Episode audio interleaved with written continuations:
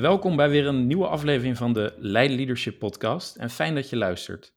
Dit is aflevering 4 alweer en vandaag gaan we het een beetje anders doen dan anders. We hebben namelijk twee gasten in de uitzending, iemand uit de praktijk en iemand uit de wetenschap. Dit past bij onze ambitie van het Leiden Leadership Center om de wetenschap en de praktijk van leiderschap met elkaar te verbinden. En vandaag gaan we het in de uitzending hebben over leiderschap in tijden van corona en het belang van samenwerking tussen organisaties. We bevinden ons momenteel in de tweede golf en we weten dat het einde van deze crisis nog niet in zicht is. Maar welke rol kan leiderschap spelen in crisistijd? En hoe kunnen organisaties effectief samenwerken in deze crisis? Mijn eerste gast is José Manshande, directeur van de GGD Amsterdam. José, welkom. Dank je. Heel fijn dat we je kunnen spreken in deze hectische tijden. En mijn andere gast is Jelmer Schalk, consultant bij BMC en verbonden aan het LUMC als universitair docent en onderzoeker op het gebied van samenwerking tussen organisaties. Welkom Jelmer, fijn dat je er bent. Hallo, dag Johan, leuk om er te zijn. Uh, José, om even bij jou te beginnen. Hoe is de situatie momenteel bij de GGD Amsterdam? Um, ja, het is uh, ontzettend hectisch. We zitten nu uh, ja, op de top van de tweede golf, heb ik het gevoel. En, en waar je zou denken, waar ik dacht ook dat dat misschien wel iets rustiger zou zijn als in de eerste golf, is het tegendeel het geval. Ik denk eigenlijk dat er nu in de tweede golf nog veel meer van de GGD verwacht wordt dan in de eerste, in de eerste golf. Um, en er komen iedere keer weer, zijn er weer nieuwe ontwikkelingen waar we ons op moeten prepareren en waar we rekening mee moeten houden en waar we, uh, en waar we dingen op moeten doen. Dus het is wel echt, uh, het is aanpoten. We zijn ook enorm goed als organisatie. Dat is ook echt bijzonder, zeg maar. Ik denk dat er iets van 400, 500 mensen bij zijn gekomen. Om, uh, we hebben natuurlijk ja. heel veel extra taken gekregen. En, uh, en ook oude taken die we al deden, die we nog beter wilden doen. Zoals bijvoorbeeld uh, preventie en voorlichting of bepaald onderzoek. Maar ook um, natuurlijk ook gewoon ja, bron- en contactopsporing en, en testen. Testen is natuurlijk een hele nieuwe taak. Ja, dat kost ontzettend veel menskracht. Ja, dus een gigantische groei de afgelopen tijd. En uh, ik zou ook even met jou willen terugblikken op, op, op die afgelopen tijd. Um, uh, want eind februari ontstond er toch wel wat paniek. Hè? Het eerste coronageval in Nederland werd bekend op uh, 27 februari. En ja. toen liepen de aantallen in maart op een gegeven moment flink op. en dan, dan kom je ook als GGD natuurlijk in actie. Hoe heb jij deze tijd in jouw rol als bestuurder ervaren? Um, nou, het is wel een hele bijzondere tijd om mee te maken. Want kijk, eigenlijk, uh, jij zegt nu, uh, ja, in maart uh, kwamen jullie in actie, maar wij waren eigenlijk al vanaf januari, waren bij ons al mensen die al dachten, hé, hey, er zit iets te gebeuren, het gaat er, weer, er komt weer een virus aan. Toen was Wuhan natuurlijk al, al, ja, al bekend. En ik weet nog dat we ook, um, dat we, ik denk dat zal in februari geweest zijn, ook een meeting hebben georganiseerd voor de Chinese gemeenschap. Die waren in die tijd heel, werden die heel erg gediscrimineerd. De mensen durfden niet meer naast een Chinees te zitten. En dus daar hadden we toen ook aandacht aan besteed om voorlichting te geven over dat virus en, en wat het was. Maar van lieverlee zagen we natuurlijk wel die golf steeds dichterbij komen. En denk, of tenminste, ze zagen wel iets aankomen. Wacht even, dit is niet alleen iets van China, dit wordt wel groter. En nou zijn we bij de GGD best wel een paar crisissen gewend. Hè? Iedereen kijkt dan weer terug naar de Mexicaanse griep bijvoorbeeld, hè? of naar de SARS, of er zijn wel dingen langsgekomen. Maar op dat moment dat, dat zijn dan de vergelijkingen die je maakt. Maar op dat moment heeft nog niemand in de gaten hoe ernstig en hoe groot het eigenlijk gaat worden. En dat is zo ongelooflijk snel gegaan in februari, maart. Dat is echt, uh, wie had kunnen bedenken eind februari, we hadden 28 februari het eerste geval, dat op 13 maart een totale lockdown, of tenminste een intelligente lockdown, aangekondigd zou worden. En in die tussentijd hebben we nog ongelooflijk hard gewerkt. Eigenlijk een beetje vanaf eind, eind februari. Maar zeker die eerste weken met die, toen we dus die besmettingen vonden, ook in Amsterdam toen probeerden we nog heel erg alles te beheersen. En te kijken of we het onder controle konden houden. We waren heel erg druk met voorlichting op scholen. Want elk eerste geval was toch een paniek. Dat wil je niet weten. Eén geval kostte toen ook al gewoon, ik weet niet hoeveel menskracht, om gewoon alle buren, bekenden en, en, en, en de zorg en iedereen daarover in te informeren en voor te lichten. En, uh, en eigenlijk kwamen we daarna, dus dat was echt een hele hectische paar weken. Maar toen die lockdown kwam, werd het eigenlijk bij ons weer ietsje rustiger. Want toen konden we eigenlijk nog niet testen. Dus we wisten ook nog niet precies waar het. We testen het wel hoor. Alleen als mensen heel erg ziek waren, testen we mensen. Maar er was gewoon veel te weinig laboratoriumcapaciteit. Dus het was een hele rare situatie dat we eigenlijk weinig wisten. We voelden wel dat we veel dingen moesten doen. Maar we wisten er ook nog zo weinig van. En ondertussen was het natuurlijk echt crisis. Maar het was aan de ene kant een volksgezondheidscrisis, maar het werd al heel snel natuurlijk een economische crisis of een maatschappijcrisis. Van jeetje, uh, lockdown en weet je, de scholen gingen zelfs dicht. En dat was best een gekke rol voor ons ook. We stonden best wel ja, in het centrum van het gedoe, maar tegelijkertijd toch ook weer niet, omdat er zoveel andere krachten om ons heen zich ook gingen bemoeien met wat er allemaal dicht moest en lok moest. En dat, dat was eigenlijk toch even weer iets meer, meer aan de veiligheidsregio's dan aan de GGD'en. Ja, dat was een hele gekke tijd. En voor Lieverlee werd het weer meer GGD-achtig, uh, eh, de crisis, omdat er toen, ja, er moest steeds meer getest worden. Hè, er moest steeds, werd steeds meer gevraagd, was steeds duidelijker wat we wel en wat we niet konden doen. Oh, we hebben ook in die eerste fase ook enorm veel hygiëneadviezen gegeven. Dat is ook wel bijzonder, want hygiëneadviezen is altijd al een belangrijke taak van de GGD. Maar meestal zijn mensen helemaal niet zo geïnteresseerd. Kijk, dat je je handen moet wassen en in je elleboog moet niezen, dat zeggen we eigenlijk altijd al. Hmm. Maar eh, nu opeens ging het ook over uh, anderhalve meter en afstand houden. En waar, kan het virus wel of niet door de lucht verspreid worden? Hoe moet je dingen schoonmaken? Hoe moet je dat doen? Nou, weet je nog met die hele uh, met, die, met persoonlijke beschermingsmiddelen. Daar hadden we ook een rol op GGD om die te gaan verspreiden en te zorgen dat iedereen voldoende spullen had. Was ook wel een grote paniek was daar natuurlijk ook wel om. Dus ja, toen hadden we toen ook wel onze crisisjes. Maar um, ja, ja, er zijn steeds weer nieuwe dingen. Dan heb je ja. controle en dan komt er weer een nieuwe item en dan gaan we weer met iets door. En je had het net even over die, die onzekerheid, hè? die onzekere situatie. Uh, hoe, hoe deal je daar dan mee als, als uh, bestuurder? Um, nou ja, eigenlijk denk ik dat omgaan met onzekere situaties, denk ik dat dat wel een beetje bij besturen hoort. Vind ik dan tenminste. Um, omdat je altijd met nieuwe dingen bezig bent, of minstens vaak met nieuwe dingen bezig bent waarvan je ook nog niet precies weet hoe je dat moet doen of hoe, hoe je dat precies moet, moet, uh, moet tackelen. Maar nu was dat natuurlijk wel extreem. Dat er uh, ja. zoveel vragen op je afkomt, terwijl je zo weinig antwoorden hebt. En, um, maar, maar, en tegelijkertijd, de dingen die je wel weet, moet je dan zo goed mogelijk vertellen. En, en dat vond ik wel, dat we daar uh, best aardig in slaagden. Dus we hadden wel meteen belteams ingericht, hè, want we werden natuurlijk gek gebeld door allerlei mensen. Dus we hadden een belteam voor... Um, uh, voor, voor de professionals, dus voor huisartsen en andere artsen, dus de medici eigenlijk, hadden we hadden de infectieziekteartsen een kort lijntje mee. En we hadden een belteam voor het algemeen publiek die vragen hadden, maar dat werd al vrij snel overgenomen door een landelijk nummer. En we hadden dus echt ook een apart nummer voor burgers die positief waren. Of vragen hadden over het coronavirus in de buurt. En, um, en ja, dan is wel dat wat je weet, kan je dat zo goed mogelijk vertellen. Maar je moet ook van heel veel dingen zeggen, we weten het nog niet. En uh, ja, ik, ik vind dat. Um, uh, je bent eigenlijk elke dag, kijk je wat je wel en niet kan doen. En dat vind ik wel Um, hoe moet ik het zeggen? Ja, en, en dat, dat, ik denk wel ook mensen geruststellen dat dit de situatie is waar we mee moeten dealen. En daar een beetje comfort op bieden van ja jongens, we doen wat we kunnen. En dit is wat we nu kunnen doen. En er af en toe ook even op reflecteren met elkaar. Hè? Want dan moet je toch al vrij snel, moet je toch af en toe zeggen van jongens, uh, doen we de dingen goed? Hè? Of doen we de goede dingen en doen we de dingen goed? Je moet toch even de tijd nemen af en toe voor elkaar om even te kijken van hé hey, uh, jongens, hoe doen we niet alleen maar hollen. Maar ook af en toe even zeggen van doen we het goed? Of, of doen we de goede dingen? Ik denk dat dat wel ook echt wel als rol bij de bestuurder hoort. Dat je, daar, uh, dat je daar ook de tijd voor maakt. En af en toe even zegt, ho, stop. En niet alleen maar rennen met z'n allen. Ja, nou, dat, uh, dat lijkt me mooi uh, om aan te geven. Inderdaad, tijd voor reflectie. ook in zo'n crisisproces. Hey, mag, ja. ik, mag ik een vervolgvraag stellen, Johan? Ja. Maar in het begin ben ik wel benieuwd naar toen, uh, toen, het, toen het in één keer heel snel um, serieuzer en erger begon te worden. Na, naar wie uh, keek je in eerste? Was er een voor jou heldere, laten we zeggen, command and control structuur van je dacht, oké, ik, moet, ik moet bij het RVM zijn, ik moet bij VWS zijn voor mijn informatie en daar kijk ik alleen maar naar? Of is het alle informatie die ik pakken kan, neem ik tot me en ik maak, maak een keuze? Kun je iets zeggen over hoe dat ging? Oh ja, dat is wel een goede vraag. Maar um, dat, is, dat is wel heel leuk, zeg maar, want eigenlijk, um, uh, kijk, onze primaire processen, hè, dat is infectieziektebestrijding en dat is ook natuurlijk surveillance en, uh, en informatievoorziening. En er zijn mensen die bij ons werken, bij de GGD werken, die doen dat altijd al. En die leunen helemaal op het RIVM. Dat had het daarvoor niet zo duidelijk door. Maar die, uh, voor een deel, de mensen die bij mij werken, die hebben vroeger bij het RIVM gewerkt. Dus die kennen ook die hele infrastructuur ook heel goed. Die weten ook heel goed wat je in geval van infectieziekte, dat er dus berichten komen over. Het is ook een, stroom van berichten die vanuit het RIVM komt met mate. Elke dag bijna als er iets nieuws was, komt er een nieuw. Daar hebben, denk ik, dat is wel grappig dat je het vraagt. Daar hebben burgers denk ik geen weet van. Maar we krijgen gewoon elke dag zo'n stroom van, of, he, ja. van nieuwe informatie van het RIVM. Oh, we weten nu dit. Oh, we weten nu dat. Dus je hoeft zelf daar niet naar op zoek te gaan. En alleen onze artsen die, die, hebben, die hadden dan ook alweer een Wuhan-app met allerlei andere deskundigen in het land.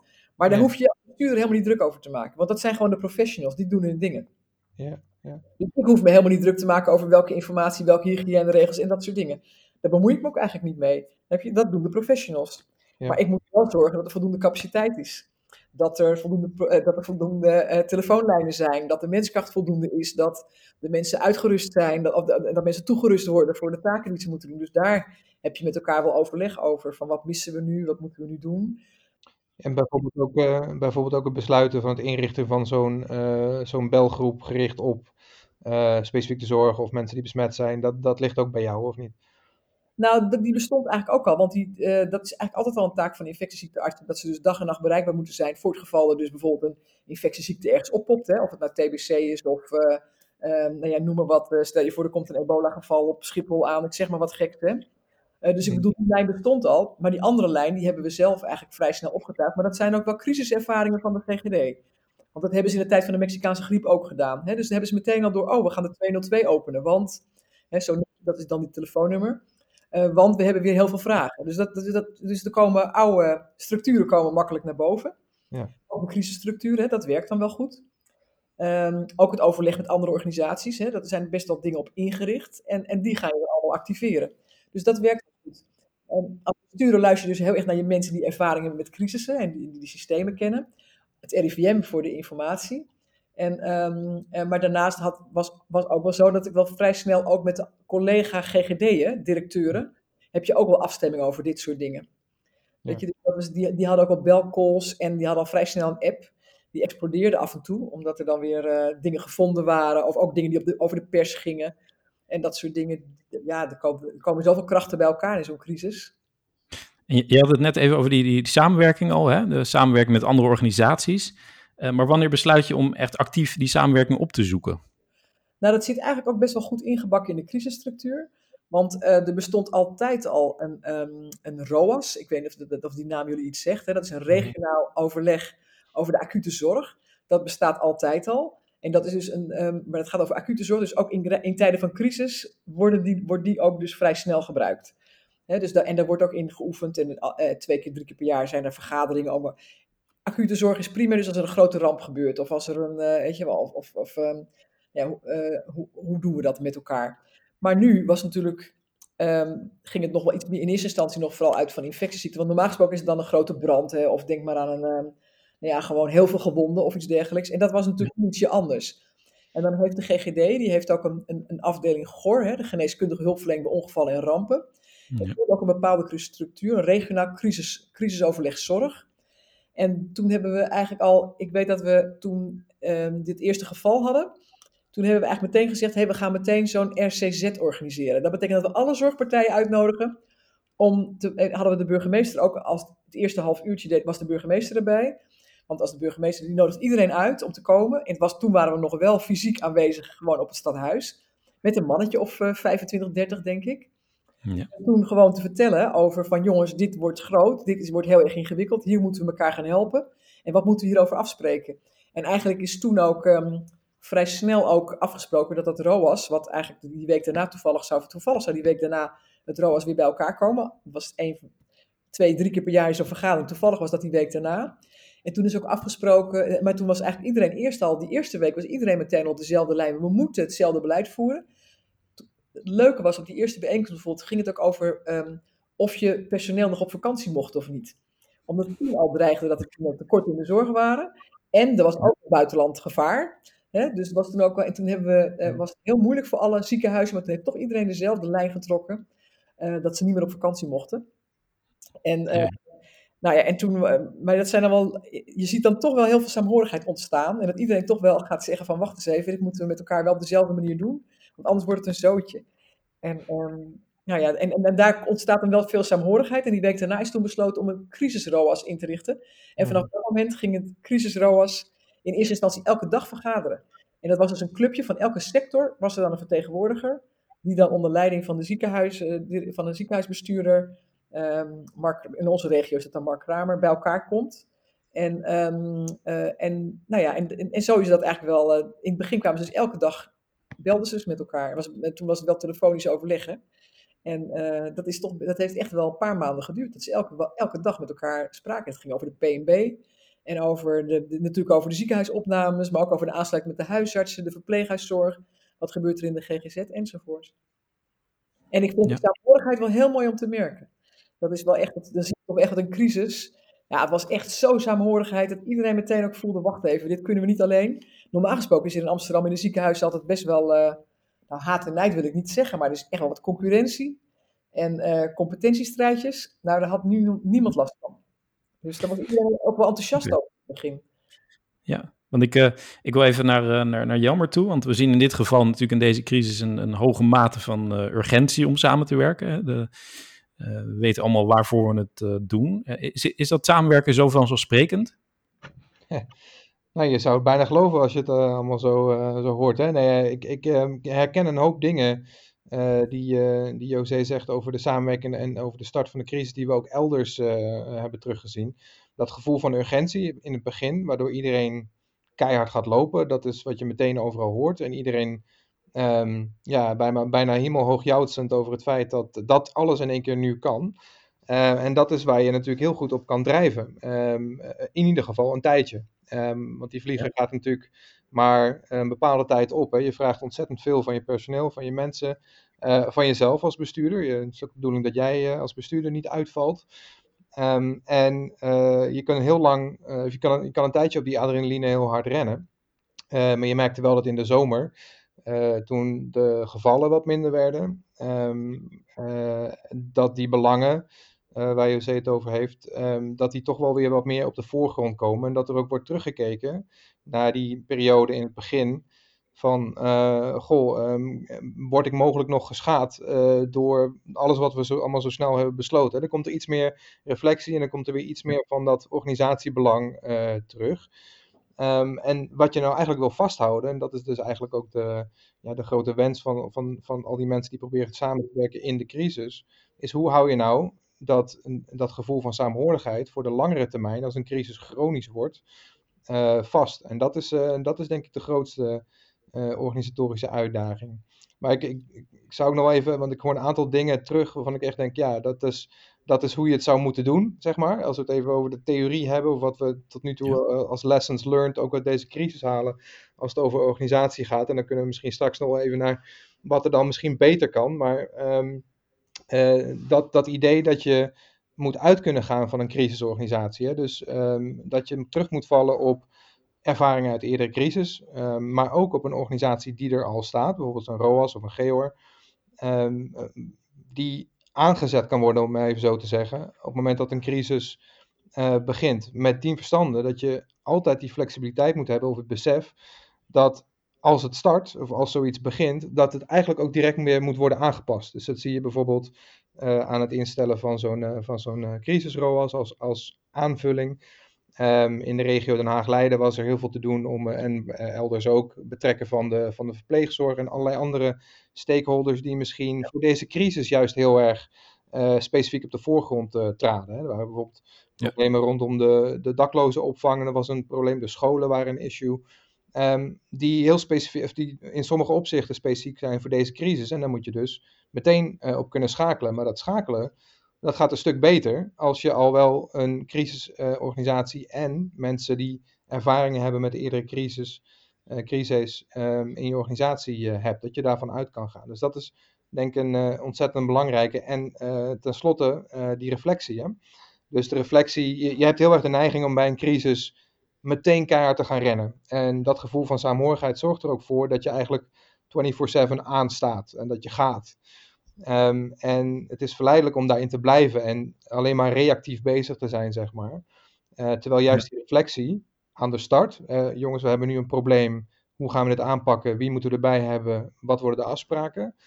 Um, en dan gaat het lopen, maar ook tijdens die crisis is het belangrijk om die reflectie te houden.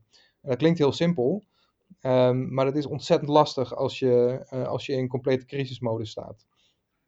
Maar ja. dat is iets wat we van bestuurders wel veel terugkrijgen dat je ook eigenlijk in hindsight, hè, dus dan hebben we het over de zomer, in hindsight over die eerste maanden, februari, maart, april, um, dat dat misschien meer had toch meer had gemoeten uh, dan nu het geval is geweest. Die, die reflectie tussendoor. Ja, en uh, ook natuurlijk, hè, als je met verschillende partijen uh, samenwerkt, dan, dan, nou, dan werk je natuurlijk gezamenlijk aan een, aan een bepaald doel. en is dat, is dat ook zeg maar blijvend? Hè? Of moet je daar ook steeds op sturen van, hè, jongens, doen we nog het goede? Ja, dat is onderdeel van die reflectie. Hè. Natuurlijk moet je, uh, denk ik, uh, daar altijd over blijven praten. Maar dat doe je in een netwerk, denk ik, altijd, ook in niet-crisisnetwerken. ben je eigenlijk de hele tijd bezig met jongens, waarom, waar, zijn, we, waar zijn we bezig, waar gaan we naartoe? Um, in een netwerk misschien nog iets meer dan in een, in een bureaucratische, hiërarchische organisatie, zeg maar. Omdat daar iets meer duidelijk is, dit is het bestuur, die is de baas en wat zij zeggen gaan we doen is een beetje gechargeerd gezegd, maar in een netwerk waar toch meer organisaties samenkomen en representanten van organisaties met toch hun organisatiebelangen die ze meenemen, ja, daar zal veel meer uitgesproken moeten worden. Uh, en inderdaad steeds weer van, oké, wat is het doel en, uh, um, en, wat is ons collectieve doel? Hè? Wat is het doel van dit netwerk en waar, waartoe zijn we op aard? Um, dat is ook belangrijk voor het bouwen van het vertrouwen uh, tussen, tussen partners. Um, dus ja, dat, dat constant uitgaan van die, van die doelconsensus en daar naartoe proberen te gaan, dat is, uh, is heel belangrijk. Ja, en daar zie je ook een centrale rol in voor de bestuurders uh, van de verschillende organisaties. Ja, nou ja, netwerken zijn er op meerdere niveaus. Hè. Dus we hebben het nu een beetje gehad ook, en, en, die zijn uh, in bestuurlijk opzicht ontzettend belangrijk geweest over de, over de, de en de ROAS'en. Uh, die, die bestuurlijke netwerken zijn, zijn, zijn essentieel, omdat die uiteindelijk de organisaties ook weer aansturen die daaronder vallen, die daarin zitten. Maar je hebt netwerken natuurlijk ook binnen de organisatie. volgens mij hoorde ik José net al zeggen van ja, al die, um, al die artsen die hebben onderling allerlei, um, allerlei appgroepen, allerlei netwerken. Die wisselen kennis uit over het, over het ziektebeeld en de verspreidingsrisico's en de besmettingsrisico's. Al dat soort zaken waar zij expert op zijn. Dus die contacten hebben zij al. Die gaan zelf met Brabant bellen of die gaan zelf met Groningen bellen. Um, en daar hoef je je als bestuurder niet mee te bemoeien. Sterker nog, ja. daar zou je juist niet mee moeten bemoeien, omdat de kennis en de know-how zit lager op de vloer. Waar je je wel druk over moet maken is hoe kan ik die mensen enablen, dus in staat stellen om uh, zo effectief mogelijk uh, niet alleen hun werk uit te voeren, maar ook ze in staat stellen om die netwerken te onderhouden en om de goede ideeën die daaruit komen, want er zijn ook heel veel voorbeelden van ja, spontane innovatie, zeg maar, in, in het dealen met de crisis. Uh, die je eigenlijk voor de lange termijn wil behouden. En dat, daar ligt ook een rol voor bestuurders. Van hoe zorgen we dat we die lessen uit de crisis ook eh, weer inbedden in onze organisatie, zeg maar. Ja, en dat is uh, uh, misschien een mooi punt om ook meteen aan, uh, aan José te vragen. Want zijn er nou, zie je nu innovaties in, in samenwerking waarvan je denkt, die behouden we ook na die crisistijd? Dit bevalt zo goed. Nou, het was zeker meteen de wens. Ik weet nog wel, want het vond ik wel mooi wat Jelmer zegt, dat je inderdaad, je wil eigenlijk dat, dat goede gevoel van die samenwerking, dat was eigenlijk bij ons ook wel, toch ook na een paar maanden, was dat echt wel zo van, hoe houden we dit vast? Zo werd het echt ook wel besproken tussen de bestuurders uh, van de verschillende zorginstellingen bijvoorbeeld. Hè?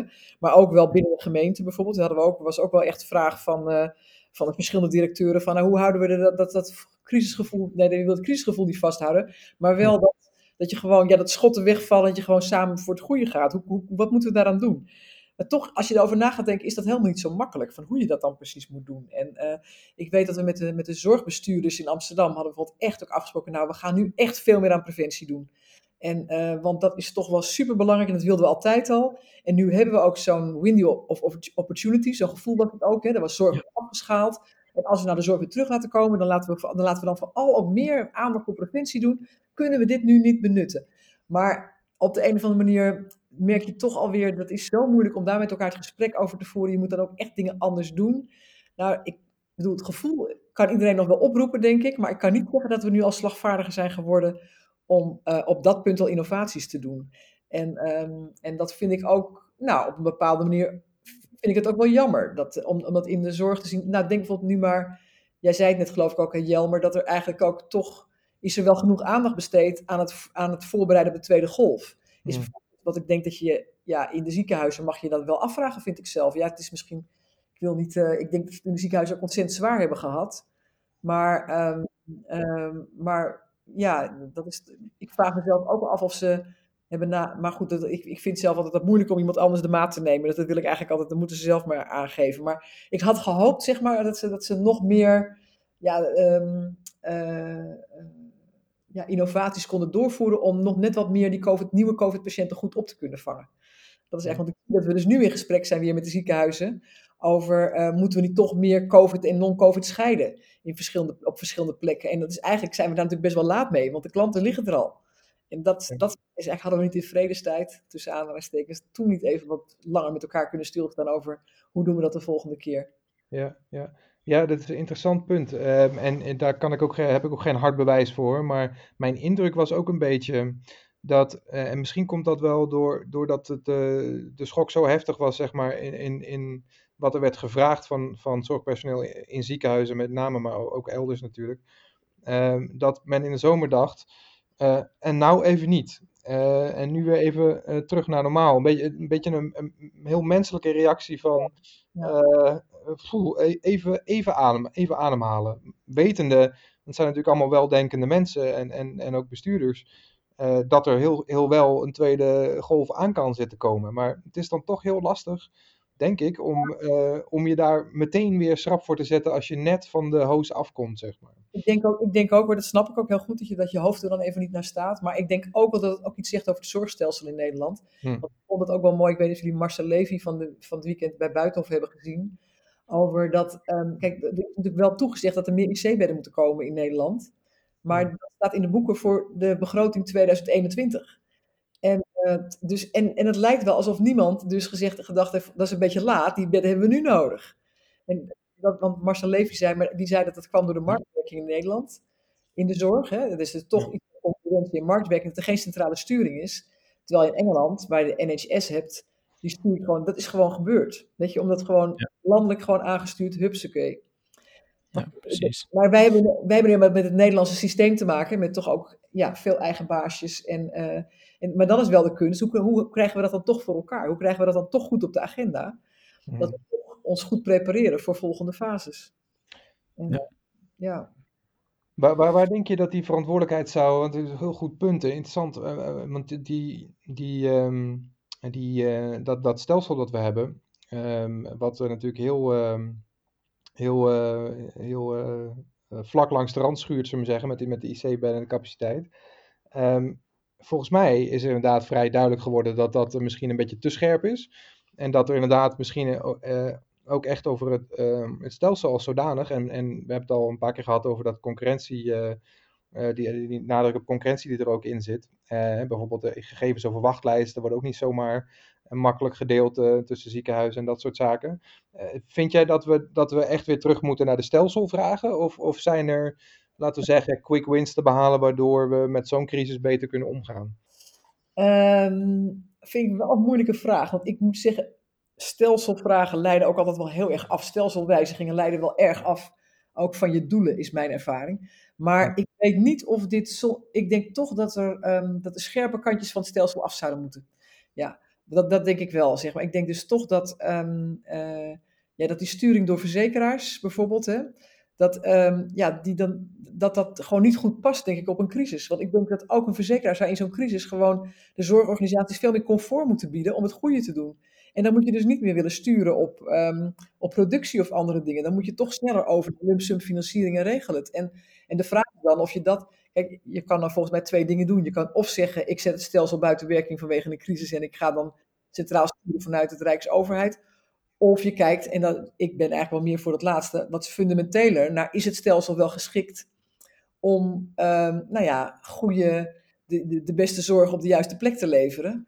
En hebben we het wel goed genoeg ingericht om de samenwerking goed te stimuleren? Want dan kom je weer op die samenwerking. Ik denk eigenlijk, want wat was nou zo leuk van die eerste golf? En waar krijgt iedereen nou zoveel energie van? Als die samenwerking beter is. Want het wordt er zoveel beter van. En als je samenwerking wil stimuleren, dan moet je dus marktwerking wel een beetje op een lager pitje zetten. Denk ik. Hè? Want dat, dat gaat, dan moet je dus toch voor het goede gaan en niet voor het meeste. En, en hoe doe je. Nou, en daarvan vind ik wel dat we in het stelsel echt wel even goed naar mogen kijken met elkaar. Hoe krijgen we prikkels op samenwerking? Hè, hoe, ja. hoe, dat, hele andere vraagstukken krijg je dan. En, en, dat vind ik zelf wel. Um, ja, daar mogen we echt wel over nadenken, vind ik. Ik vind het in het openbaar bestuur is dat makkelijker natuurlijk Maar ook daar moeten we er echt nog wel leren in netwerksturing en hoe werk je samen en, en, en dat soort zaken. Maar daar worden we, vind ik, wel beter in. Maar ik merk wel dat in de zorg, ehm, ja, door de marktwerking, dat het niet overal vanzelf gaat. Terwijl iedereen probeert ook in de zorg meer samen te werken. dat, dus dat is echt ook het grote vraagstuk. Denk maar aan uh, programma's als de juiste zorg op de juiste plek, maar ook nu met die hele regiosturing. Hè, die regiosturing gaat natuurlijk toch, dat is toch een, een beetje een, nieuwe term. Eh, daar moet het nu vandaan komen, dus dat moet met samenwerking. Ja, zeg je, dan moet je wel afspraken kunnen maken met elkaar. En dan moet je niet zeggen, dat mag niet, uh, want dat is... Um, uh, je mag geen afspraken maken, want dat, dat mag niet van de, van de marktwerking of van de, de ACN of wie noem je dat. Mm -hmm. en, um, uh, en, en je mag geen staatssteun geven, dat soort dingen. Dat is ook allemaal ingewikkelde dingen krijg je dan. Dus je moet het allemaal aanbesteden. Aanbesteden en, um, en samenwerken, dat verhoudt zich niet tot elkaar. En moeten we toch die hele aanbestedingswet, wat mij betreft, uh, gewoon aan de kant als het over de zorg gaat. Ja. Ja, dus de, de, de uitdaging moet gewoon zijn om zo samen een uh, zo hoog mogelijke maatschappelijke meerwaarde te leveren. En uh, dat daarvoor dus alle neuzen dezelfde kant op staan. En niet belemmerd worden door uh, en, andere en dat samenwerking zaken. loont, inderdaad. Dat samenwerking loont. En ja, dat je daar, ja. Ja, en er zitten, kijk, de, de grote, het, uh, en dat, dat zie je natuurlijk ook als gevolg van die urgentie, maar uh, dat zie je ook in gewone tijden, is dat als je um, uh, samenwerkt, dat, dat het, een van de voordelen van samenwerken en waarom dat zo goed kan werken, is juist omdat je mensen vrijlaat om op te zoeken wie ze op willen zoeken. voor de taak die ze at hand hebben, zeg maar, die ze willen uitvoeren. Um, en die bottom-up uh, structuren die daaruit voortkomen, die zijn taakgericht. Die zijn uh, op basis van de behoeften van de personen die samenwerken of de organisaties die samenwerken ontstaan. En wat je uh, in, in het zorgstelsel en ook in andere beleidsstelsels vaak hebt, als een overheid zich daar, wat volstrekt begrijpelijk is, want je wil controle houden tot op zekere hoogte in een democratisch bestel, maar als je die netwerken wilt opleggen, dus je zegt je moet samenwerken, omdat je bijvoorbeeld van iedereen hoort dat, dat dat heel goed werkt en dat we dat zouden moeten doen. Op het moment dat je dat gaat mandateren en op het moment dat je dus gaat verplichten om samen te werken, ja, dan ben je weer verkeerd bezig. Dan is het weer meer um, opgelegd en dan ben je die, dat grote voordeel van die spontaniteit uh, waarschijnlijk voor een groot deel weer kwijt. Dus dat ja. is ook wel waar een overheid zich er sterk tegenaan bemoeit, gaan die samenwerkingsverbanden juist mis. Wat dan ook weer voer is voor mensen die zeggen, ja, we moeten het weer centraliseren. En daar pingpongen we af en toe een beetje tussen heen en weer. Ja, dan mist dus eigenlijk die intrinsieke motivatie om samen te werken en dan is het opgelegd. Nou, ik, denk, uh, ik denk dat het nog iets anders is. Ik denk ook als, het, als je moet samen, samenwerken, moet altijd een doel hebben. Dus je moet het met elkaar eens zijn over het doel dat je wil bereiken. En als samen, moet samenwerken om het samenwerken is flauwekul. Het gaat erover. En, en dat vind ik in die crisis altijd zo mooi, want het doel is heel duidelijk. Dat doel is heel scherp. En daarom lukt ja. de samenwerking ook. Maar daarom is ook als de overheid vraagt van jullie moeten samenwerken. Nee, de overheid moet het doel voorop stellen. En die moet mensen ook belonen die dat doel realiseren met elkaar. En dan, moet je dus, en dan komt die motivatie vanzelf wel als je samen verlangt naar hetzelfde doel. En, en dat is de enige manier, want je moet, dat is de enige reden om samen te werken. Anders moet je ermee stoppen volgens mij. Ja. Toch? Ja, dat, dat, is ook, dat is ook nog een interessante. Want als je dan inderdaad um, een tijd lang goed samenwerkt en het loopt fantastisch, durf je ook te zeggen, het is niet meer nodig. Als, het op, als de context verandert, hè, dus het probleem is er niet meer, of um, uh, de, de, de, de, de, de regels of de, de omgeving is veranderd. En um, we blijven vasthouden aan wat we eerder deden. Dat is, dat is aan, de, aan het eind van de samenwerking nog een interessante vraag, ja. Uh, nee, nee, wat ik altijd vind, ik vind uh, heel, veel, heel vaak is samenwerken is vergaderen. Maar dat vind ik heel iets anders. En uh, het, gaat niet om overleg, het gaat om dat je met elkaar iets wil bereiken en ergens naartoe wil. En dat, is, dat moet wel heel erg, en dat, dat, vind ik wel, dat zie je in een crisis, wordt dat altijd heel scherp. En dat zou je op andere momenten eigenlijk ook steeds erbij moeten pakken van waarom zitten we hier bij elkaar, waar willen we heen, waarvoor hebben we elkaar nodig en anders moeten we het niet doen. En dat is, uh, nou ja, dat is, uh, ja. is wel... Ik vind het mooi, mooi gezegd. Ik, ik, ik wil het nog even hebben over de, de besluitvorming hè, vanuit, uh, vanuit overheid voor uh, bepaald beleid. Uh, daar was natuurlijk ook al wat kritiek op op een gegeven moment. Hè, dat het een, om een select gezelschap was die, die deelnam in het Outbreak Management Team. Hè, en dat het vooral nou ja, virologen aan deelnamen. hoe kijken jullie daar tegenaan? Hè? Want dat, dat is natuurlijk ook een, een bepaald netwerk wat daar ontstaat. Um, waar toch ook eigenlijk meer mensen mee aan hadden willen meepraten. ehm, ja, goed, er is natuurlijk een nodige kritiek geweest, met name op de OMT, dat het te uh, medisch was uh, gericht en te veel op de, op de care en te weinig uh, op, op de bredere maatschappelijke vraagstukken. De economie is daar een belangrijk voorbeeld van, maar ook andere meer mentale problemen, eenzaamheid, het bezoeken van oudere familie en verpleeghuizen. die problemen die er vrij snel bij kwamen, maar niet de allereerste focus was. Um, en dat zou dan voor een deel komen doordat die, die geluiden te weinig zijn gerepresenteerd in de initiële besluitvorming. Dus uh, vanuit het OMT en misschien ook wel in de, in de regionale zorg. In de ROAS en GEO-netwerken zijn natuurlijk wel, ja, die zijn, die zijn ontstaan voor acute zorg. Um, dus is het logisch dat, dat ze zich daar in eerste instantie op richten en wat minder op um, ja, de bredere welzijnsproblemen die ook ehm, met corona samenhangen. dus die, en, en daardoor, en ik ben wel benieuwd ook hoe jij daarover denkt, José, een ander ding in, in die samenwerkingsverbanden, in die netwerken, is als je in crisistijd uh, vanuit urgentie met elkaar samenwerkt, dan mag je ook fouten maken. Je bent elke dag dingen aan het uitvinden. Um, en, en, de informatie stapelt zich op. Er is een complete overload. En dus doe je niet altijd wat het meest handig is, achteraf. Als je rustig uh, vanuit je fauteuil kan nadenken hoe je het allemaal had moeten doen. Um, alleen als uh, zaken heel erg op scherp gezet worden, en dat zie je nu een beetje in de maatschappij, of tenminste in de zomer, uh, kort daarna, um, nu nog steeds.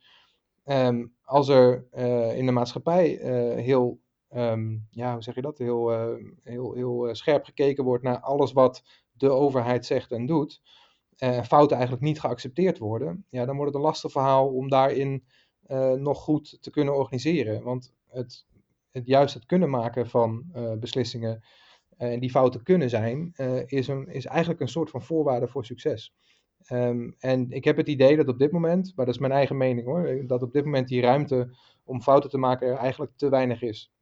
Ja, ja ik moet ook denken aan de, aan de woorden van, uh, van Mark Rutte aan het begin van de, van de crisis. Hè, om met 50% van de, van de kennis uh, 100% van de beslissingen te maken. Mm -hmm. En dat dat dus heel, heel moeilijk uh, dilemma is. Um, maar ik hoor graag wat, uh, wat José uh, nou, over te zeggen. Ik weet wel, ik vond dat ook een hele mooie uitspraak. En wij hebben wel eens gezegd van, je moet met 10% van de informatie 100% van de beslissingen nemen. Maar uh, ik, ik, heb, ik heb bronnen horen zeggen dat Mark Rutte dat te gortig vond. En dat niet durfde te zeggen. Maar ik vind dat je het heel mooi zegt, Jan. Maar ik denk zelf ook, ik vind het zelf ook een beetje makkelijk om vervolgens dan nu weer terug te redeneren en zeggen dat het allemaal fout is gegaan. Omdat ik ook, ik ben blij dat jij dat zegt. Ik denk ook, je moet beslissingen nemen en dat kan nooit, je moet het zo goed mogelijk doen. En natuurlijk maak je daar ook fouten in en laten we elkaar er ook een beetje ruimte in geven in plaats van elkaar de maat te nemen. Dat vind ik zelf ook echt uh, niet, niet leuk om te merken. Dat, bijvoorbeeld dan is, een, dan is een inschatting van het RIVM niet goed geweest qua aantallen testen die we nodig hadden in september. Ja, dan was de prognose niet goed. Ja, hè, dan denk ik echt, ja hallo, wie kan dat nou, zo'n prognose beter maken? Dat is gewoon, uh, het was een prognose en daarom, uh, in de werkelijkheid past het niet aan aan de prognose. Maar, um, dus ik vind het heel belangrijk dat je fouten mag maken, maar dat je daarvan leert.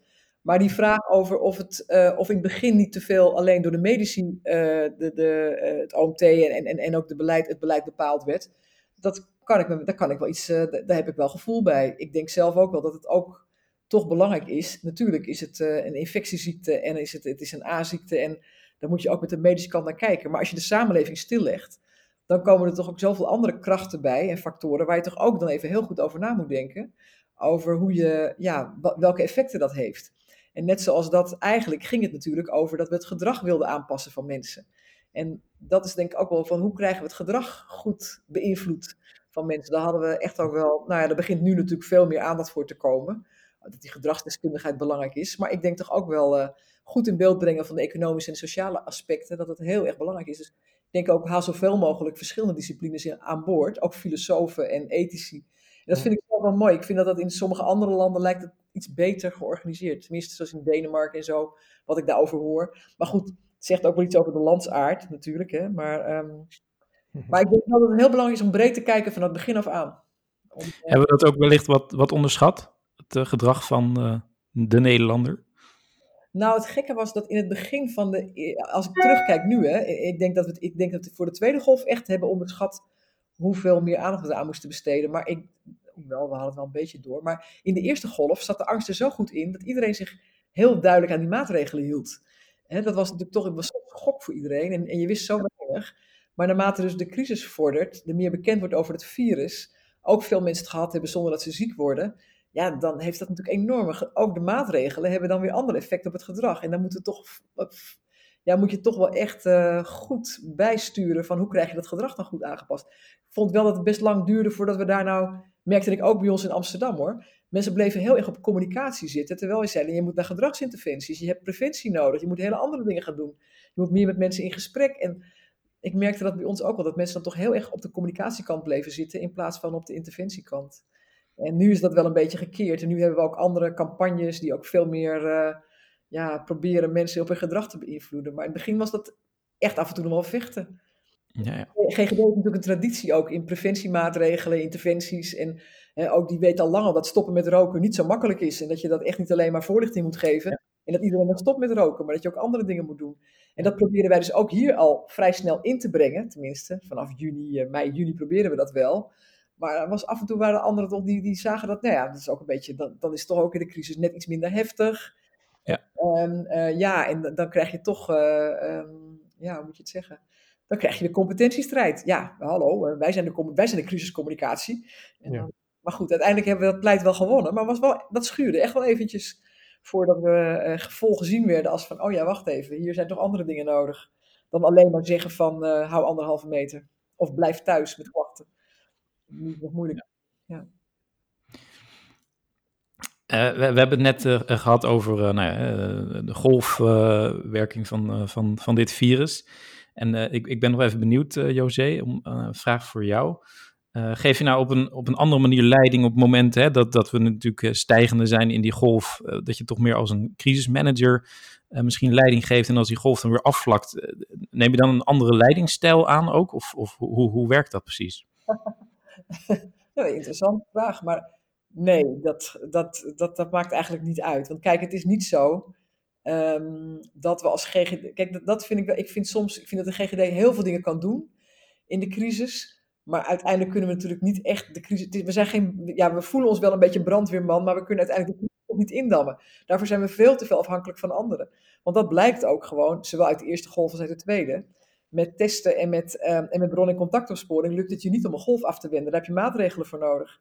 En maatregelen, die komen toch snel van, um, ja, hoe moet ik zeggen, dat, is, dat wordt wel ingegeven door de cijfers. Maar je hebt echt dus het openbaar bestuur nodig, die ook keuzes durft te maken om in het afvlakken van zorgen dat mensen minder contact met elkaar hebben. En dan kom je dus weer op andere maatregelen die anderen ook zullen moeten uitdragen. Dus, um, maar ik geloof niet dat ik op verschillende manieren leiding geef of we nou stijgen of dat we dalen. Want er blijken steeds, er zijn, in elke fase zijn er weer nieuwe dingen nodig. En ja. dat moet ik wel zeggen, in die, um, Jan, je had het ook over die, die ziekenhuizen. Hè, die hadden duidelijk een, die hadden natuurlijk een enorme piek, die was veel harder dan, dan bij de GGD'en. Maar die vielen daarna terug. Terwijl bij de GGD is, is die terugval eigenlijk niet geweest. Is het eigenlijk ja. een stijgende lijn. We hebben steeds meer personeel. In het, begin, in het begin deden we de crisis met onze eigen mensen. En dat, dat was ook wel bijzonder, want we, we, gingen gewoon mensen uit andere, weet je, mensen die anders reizigersvaccinatie deden of in de jeugdgezondheidszorg werkten, die haalden we allemaal naar de coronacrisis. En die, hè, we hadden dus best wel wat personeel om uit te putten. Maar op een gegeven moment, als die lockdown stopt, moesten die mensen weer terug naar hun eigen werk. Dus kregen wij weer ander personeel. Dus we hadden het hartstikke druk met nieuwe organisatieplannen maken en nieuw personeel aan te nemen. Nou, toen bleken die testen, uh, die bleken eerst bleef dat, bleef dat een beetje achter, maar vrij snel ging het heel snel stijgen. Moesten we enorm veel testen doen, moesten laboratorium. Ja. En van het een kom je zo in het ander. En eigenlijk is daar geen rust in geweest. En um, dus eigenlijk, uh, nee, ik geloof niet dat ik op een andere manier leiding geef als we stijgen of als we dalen. Um, het blijft nog steeds professionals in de lead en kijken hoe ze kunnen ondersteunen. En, uh, ja, en, en af en toe reflectie en nadenken over jongens, uh, zitten we nog, hebben we alle ballen nog in de lucht? Dus zijn we genoeg aangesproken op VWS, op het openbaar bestuur in de stad, op de, uh, nou ja, op de inhoudelijke deskundigen van het RIVM. En het is wel, um, je schaakt wel op veel borden. Dat, dat hoort wel in deze crisis echt, hoort er echt bij. Ja, een groot speelveld. Het speelveld is heel groot, omdat het een hele samenleving betreft. Is het speelveld echt enorm groot. Als ik even uh, vooruit blik naar de, de komende periode waar we, uh, die voor ons staat. Um, wat moeten we echt gaan doen om, om die crisis? Wat moeten we volhouden? Of wat, wat moeten we blijven doen? Of wat moeten we niet doen? Um, ja, goed, we hebben natuurlijk al een aantal dingen uh, besproken die, we, die je in principe wel moet doen, hè? die tussentijdse reflectie. Um, ja. het, het, het, het, ja, het vrijlaten van de professional, maar, ook die, die ondersteunen. We hadden het ehm, net over nou ja, die leiderschapstijlen, of ze nou wel of niet veranderen in de crisis. Je, je moet, wat een interessante balans is, denk ik, als, als leidinggevende, als bestuurder ook um, is dat je die, die goede dingen die gebeuren op de werkvloer, dat je, dat je die laat, dat je die niet probeert uh, te veel te sturen en tegelijkertijd wel een luisterend oor moet hebben of uh, ja, een antenne moet hebben eigenlijk voor, uh, voor behoeftes die er wel zijn. Hè? Dus wat je ook niet wil is dat je wordt gezien als de afwezige bestuurder. Jij hebt het idee dat je vrij aan het laten bent, maar de mensen hebben eigenlijk het idee dat ze niet ondersteund worden. En dan maar dat is dus een hele delicate balans. Uh, wat hebben ze nou wel precies nodig en, uh, en moet ik uh, afdwingen en geven? En waar laat ik zeg maar de, de innovatie en, de, en het enthousiasme vanuit het zorgpersoneel of je medewerkers zelf komen? Um, dus die balans proberen te zoeken en inderdaad die reflectie te behouden. Um, dat zijn denk ik belangrijke, belangrijke aanknopingspunten. En dan um, ja, als het gaat over de, de samenwerking in de, in de, in de bredere uh, zorgnetwerken. Um, ik denk, ja, wat, wat dus belangrijk is volgens mij, is dat je uh, continu bezig bent met de vraag, en dat ging al even over de doelconsensus eerder in dit gesprek, constant bezig bent met de vraag, hebben we nog de juiste mensen aan tafel? Um, waar zijn we op dit moment mee bezig? Um, hoe vaak moeten we bij elkaar komen? Dat je daar um, met z'n allen probeert uh, eigenlijk constant op te reflecteren en beslissingen in te maken. Nou, um, zal ik aanvullen, um, Jan Jan? Ja, ja, ja graag. Ja. Uh, wat ik zelf ook, uh, was één ding wat mij, ja, wat moeten, we, wat moeten we vasthouden, wat moeten we vooral doen? Een van de dingen die ik ook nog wilde noemen van wat ik zelf ook echt wel geleerd heb van deze crisis, hoe belangrijk het is om hulp te vragen. En om ook gewoon um, uh, kijk, het is zo groot en er zijn zoveel, er zijn zoveel borden om op te schaken dat um, uh, je redt het bijna niet in je eentje. En dus het is heel belangrijk om ook te kijken wie kan mij helpen. En er zijn altijd mensen in je omgeving die willen je ook graag helpen, want die zien ook dat het gewoon dat het bij jou het water hoger staat dan bij anderen. En dus ik heb heel veel gehad aan, ja, aan, aan bijvoorbeeld ook mensen uit de gemeente Amsterdam, hè, die dus mij ook kwamen helpen. Die zeiden van, hey, kan ik iets voor je doen? En uh, en, nou ja, en dan ben je zelf altijd een beetje bescheiden, maar die zeggen van ja, maar waar je dus gekke werk wat je doet hier, je moet, je moet echt een paar adviseurs erbij. Je moet nu gewoon mensen erbij hebben die scenario's gaan ontwikkelen. Want jij komt er niet aan toe, maar je hebt echt scenario's, je moet scenario's voor de toekomst nodig. Weet je, dus waar ik nog, ik was al blij dat ik reflectie zat in te bouwen. Maar uh, ik heb ook gewoon, dat je, doordat ik ook gewoon ja, me openstel voor hulp, heb ik er dus nu ook scenariobouwers bij. En dat helpt ook erg om een beetje vat te krijgen op de film waar je in zit. En uh, net zoals dat ik een paar organisatieadviseurs erbij heb, die dan weer ook uitlijnen voor iedereen van hoe, zit de, hoe, hoe kunnen we de organisatiestructuur nog verbeteren. Of van de zomer hadden we ook een soort crisis met dat we even te weinig capaciteit voor BCO had. En toen had uh, Hugo de Jong ook geroepen, ja, Defensie wil helpen. Nou, ik heb meteen mijn vinger opgestoken. Ik zeg, laat Defensie maar bij mij komen. Want ik dacht echt, uh, ik kan wel wat hulp gebruiken. Nou, het bleek ja. ook organisatieadviseurs te zijn, voor mij dan. Hè. En, en dat waren er maar drie mensen, maar het helpt toch zeg maar, dat vreemde mensen even in je organisatie komen kijken. En die dan even zeggen van ja, maar dit moet je toch een beetje anders doen. En ze vonden vooral dat we veel beter voor onszelf moesten zorgen. Weet je, maar daar leer je ook weer van. Dus ik vind, dus kijk, eh, dus ik vind dat is gewoon hulp, dat was voor mij echt wel een eye-opener. Juist omdat die crisis ook zo lang duurt. Hè. Je hebt ja. hulp nodig en je hebt nooit genoeg hulp. Dus overcapaciteit organiseren. En scenario's ontwikkelen en tegelijkertijd ruimte houden voor de innovaties. Dus ik moet wel zeggen dat ik nu toch ook door die scenario's, die toevallig vandaag ook bij mij gepresenteerd werden, zie ik dus meer vormen hoe ziet de crisis de komende maanden eruit? En dat is echt wel, wel heel prettig als je daar een beetje. En, en ik denk, het zijn scenario's die het vast allemaal niet gaan worden. Maar het, het hielp mij zo in mijn denken wat meer open te zetten. Terwijl ik altijd al denk dat ik vooruit denk. Nou, is gewoon zo fijn dat andere mensen toch die luiken nog wat verder openzetten. Dat is gewoon. Uh, en dan gaat het niet eens om welk scenario nou gepresenteerd wordt. Het gaat veel meer over het gedachte-experiment wat je met elkaar even doet. Dat je even met elkaar zit om te kijken van, hé, hey, kijk op dezelfde manier naar de toekomst. En dan kun je vervolgens ook weer kijken, wat moeten we dan vandaag doen?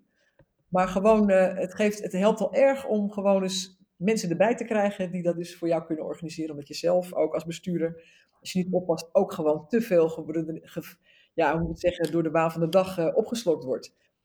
En ook al weet je dat je dat, dat probeer je niet te doen, maar echt, het is ontzettend fijn als je nog meer mensen erbij kan halen. Die, uh, die de luiken open kunnen zetten van iedereen. En dan kan je zelf ook besturen. Ja, dat is een, um, een mooie boodschap. Dus ook echt het hulp durven vragen en uh, uh, ja, meerdere inzichten krijgen. Dat, dat helpt ook om, ja, om moeilijke beslissingen te maken, denk ik ook. Um, wat heeft eigenlijk nou nog te weinig aandacht gekregen in het publieke debat? Bijvoorbeeld in de, in de media. Nou ja, ik vind dat in de media wel heel veel onderwerpen wel besproken worden. dat is heel besproken eigenlijk, hè? Ja, ja. Ik heb het idee dat weinig onderwerpen onbesproken uh, blijven.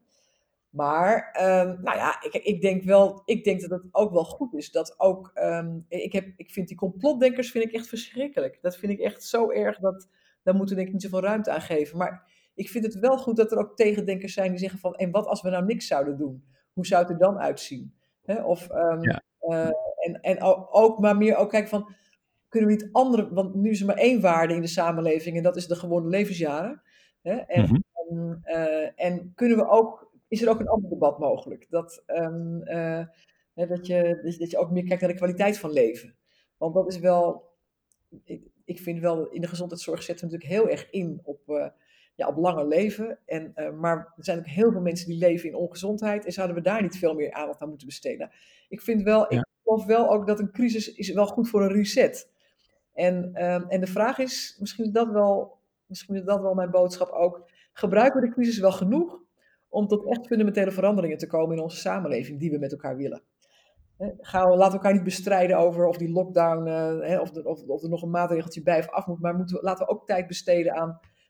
God, benutten we het eigenlijk wel genoeg voor hoe we eigenlijk willen? Of wat, wat, wat zouden we eigenlijk anders willen? Dan moeten we, ja, daar zou ik misschien nog wel meer tijd ja. voor maken. Dit ook gewoon een moment is om daarbij stil te staan. Hoe willen we samenleven? Hoe willen we sa- nou, en, wat, en wat is de rol van gezondheid in onze samenleving ook? Dat is misschien ook. Ja. Van, hè, dat is, dan, uh, is het alleen gewone levensjaren of is het ook gewoon kwaliteit van leven? En hoe ziet dat er dan uit? En zou je dan Ja. keuzes maken? En dan weet je dat soort. eh, eh, en, en eh, maar ook duurzaamheidsvraagstukken, noem alles maar op. Hè. Dat vind ik, ik vind dat mooi. Dat we gewoon. Ik hou ook van debat en van. ja, en, en, ook, en ook een beetje met elkaar de tijd goed benutten. Om eens even Ja. te kijken voor. Doen we de goede dingen als samenleving? En doen we de Ja, precies. Ja. Ja. Heb, heb jij er nog wat aan toe te voegen, Jomer? Nou, hierop doordenkend, ik vind het wel interessant, zeg maar, de, eh, de, de vraag, die, de, de, de concentratie van problemen in, eh, in specifieke kwetsbare groepen die je, die je met zo'n crisis eh, nog eens extra ziet. Ehm, eh, oudere mensen, mensen met, die al ehm, eh, fysieke beperkingen hebben, risicogroep zijn, die dan vaak ook nog de mensen zijn die misschien meer prone zijn eh, om te denken dat, er, dat de overheid eh, iets, eh, iets aan het bekokstoven is, de complottheorie, et cetera. Ehm, eh, die hebben ook weer te maken met, eh, met sociaal-economische positie. Eh, dat zijn ook weer de plekken waar de mensen het meest eh, dreigen hun baan te verliezen door deze corona, wat, die, eh, eh, wat het wantrouwen nog, eh, nog groter kan maken. Zeg maar die problematiek. En ja, vroeg, waar kunnen we het nog meer over hebben? Nou, volgens mij hebben we het er genoeg over. Ehm, dat, dat is inmiddels wel bekend. Maar die, eh, die ehm, clustering van, ehm, eh, van problematiek in, eh, in specifieke kwetsbare groepen. dat vind ik een, een heel belangrijk issue om, om mee bezig te zijn de komende tijd. Ehm, en zonder dat ik daar een panklare oplossing eh, voor heb overigens hoor. Maar dat is wel, ehm, en dat, ja, dat zijn ook breder, dat zijn ook dat zijn zeg maar, die bredere maatschappelijke vraagstukken die veel breder gaan dan alleen de zorg of laten we zeggen samenwerking in bestuurlijke netwerken. Maar die echt gaan over fundamentele vragen over ehm, zijn we nog wel goed bezig eh, in onze samenleving en, en schiet de, schiet de verdeling en de polarisatie niet te ver door. En op zich is dat ook wel weer een vraag. Hè? Is dat inderdaad zo? Hè? Uh, we zien wel protesten, maar hoe erg is het nou eigenlijk echt? Hoe, hoe, hoe meet je zoiets? Uh, hoe staat het met die polarisatie? Is het hier net zo erg als in Amerika? Um, moeten we wat doen aan social media die daar um, uh, heel veel aan bijdraagt? Dat, dat soort bredere vraagstukken zou het, zou het de komende tijd over moeten gaan, volgens mij. Ja. En dat zal ook vast gebeuren, want we hebben dan ook weer verkiezingen. ja, zeker ook de rol van de overheid daarbij is natuurlijk super belangrijk. Ja, daar gaat ja. het. Wat dat betreft is jullie vak natuurlijk helemaal hot. Ja, het roept een uh, hoop nieuwe, interessante vragen op uh, om, om te beantwoorden. Um, we zijn bijna door de tijd heen. Uh, ik wil jullie uh, beiden hartelijk uh, dank voor dit gesprek. Jij bedankt, Johan. Ja. En, en laten we hopen dat het aantal besmettingen afneemt en dat we er samen in slagen om het virus snel weer onder controle te krijgen. voor luisteraars wil ik nog even melden. je kan ons vinden op Twitter via twitter.com slash leadershiplu. En op LinkedIn als je zoekt op Leiden Leadership Center.